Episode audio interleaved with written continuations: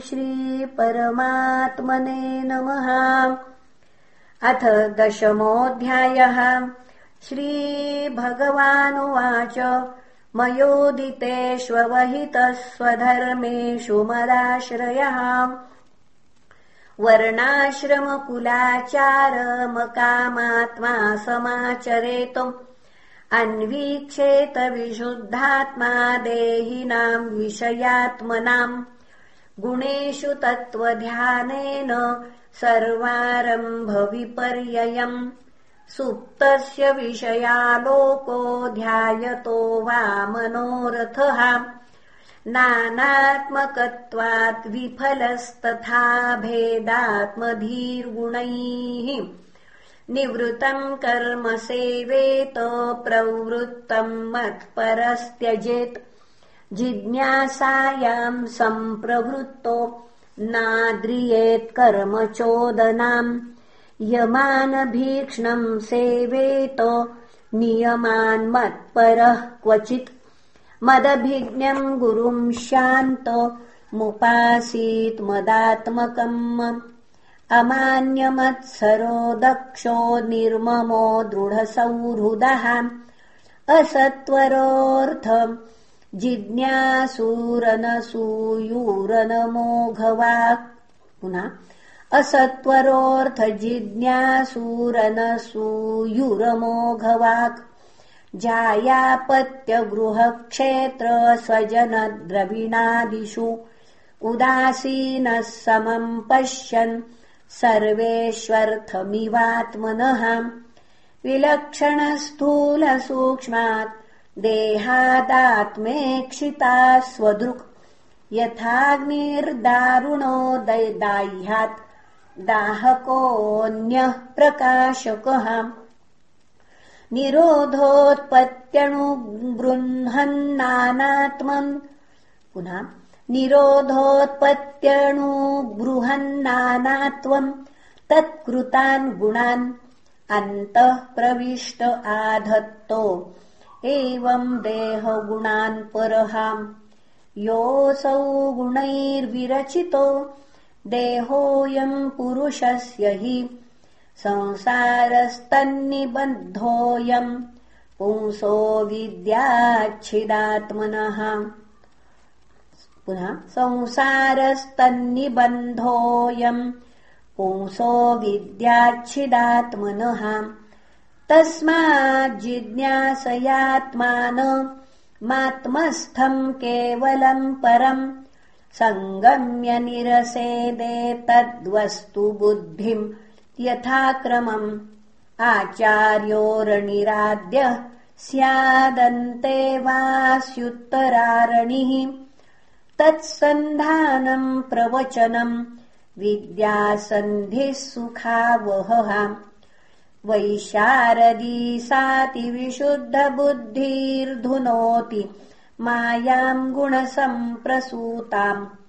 गुणौषसन्दैह यदात्ममेतत् स्वयम् च शाम्यत्यसामिद् यथाग्निः। पुनः स्वयम् च सा पुनः स्वयम् च शाम्यत्यसमिद् यथाग्निः अथैषाम् कर्मकर्तॄणाम् भोक्तॄणाम् सुखदुःखयोः।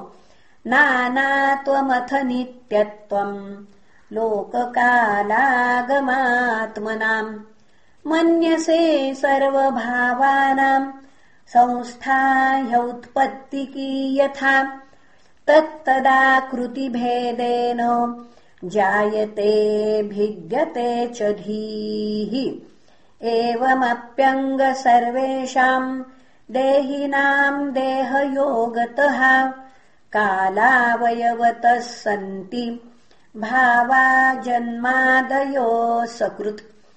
अत्रापि कर्मणाम् कर्तुरस्वातन्त्र्यम् च लक्षते भोक्तुश्च सुखदुःखयोः कोऽन्वर्थो विवशम् भजेत् न देहिनाम् सुखम् किञ्चित् विद्यते विदुषामपि तथा च दुःखम् मूढानाम् वृथाहम् करणम् परम्।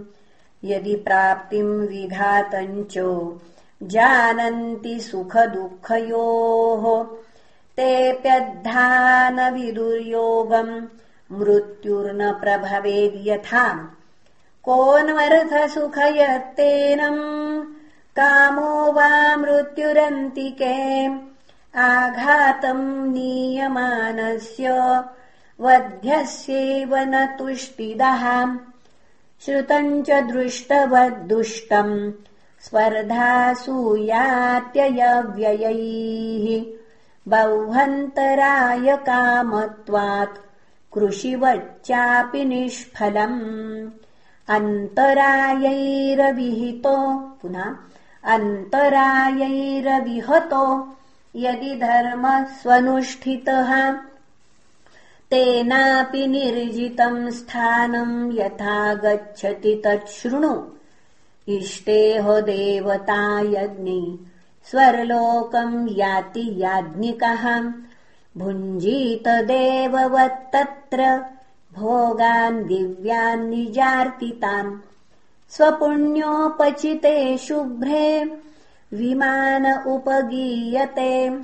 गन्धर्वैर्विहरन्मध्ये देवीनाम् हृद्यवेशधृक् स्त्रीभिः कामगयानेन किङ्किणीजालमानिनाम् क्रीडन्न वेदात्मपातम् सुराक्रीडेषु निवृतः। तावत् प्रमोदते स्वर्गे यावत् पुण्यम् समाप्यते। क्षीणपुण्यः पतत्यर्वागनिच्छन्न कालयाचितः। यद्यद्धर्मरतः सङ्गादसताम् वाजितेन्द्रियः। कामात्मा कृपणो लुब्ध स्त्रैणो भूतविहिंसकः पशून विधिना लभ्य प्रेतभूतगणान्यजन्।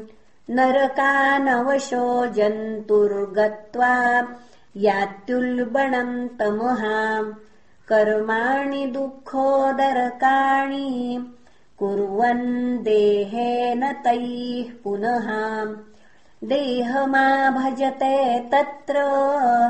किम् सुखम् मर्त्यधर्मिणः। लोकानाम् लोकपालानाम् मद्भयम् कल्पजीविनाम् ब्रह्मणोऽपि भयम् मत्तो द्विपरार्धपरायुषः।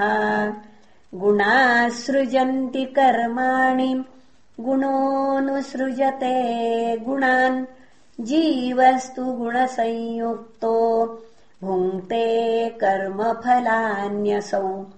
यावत् स्याद्गुणवैषम्यम् तावन्नानात्वमात्मनः नानात्वमात्मनो यावत् पारतन्त्र्यम् तदैव हि यावद्दस्या स्वतन्त्रत्वम् तावदीश्वरतो भयम् य एतत्समुपासीरंस्ते मुह्यन्ति शुचार्पिताः। काल आत्मागमो लोक स्वभावो धर्म एव च।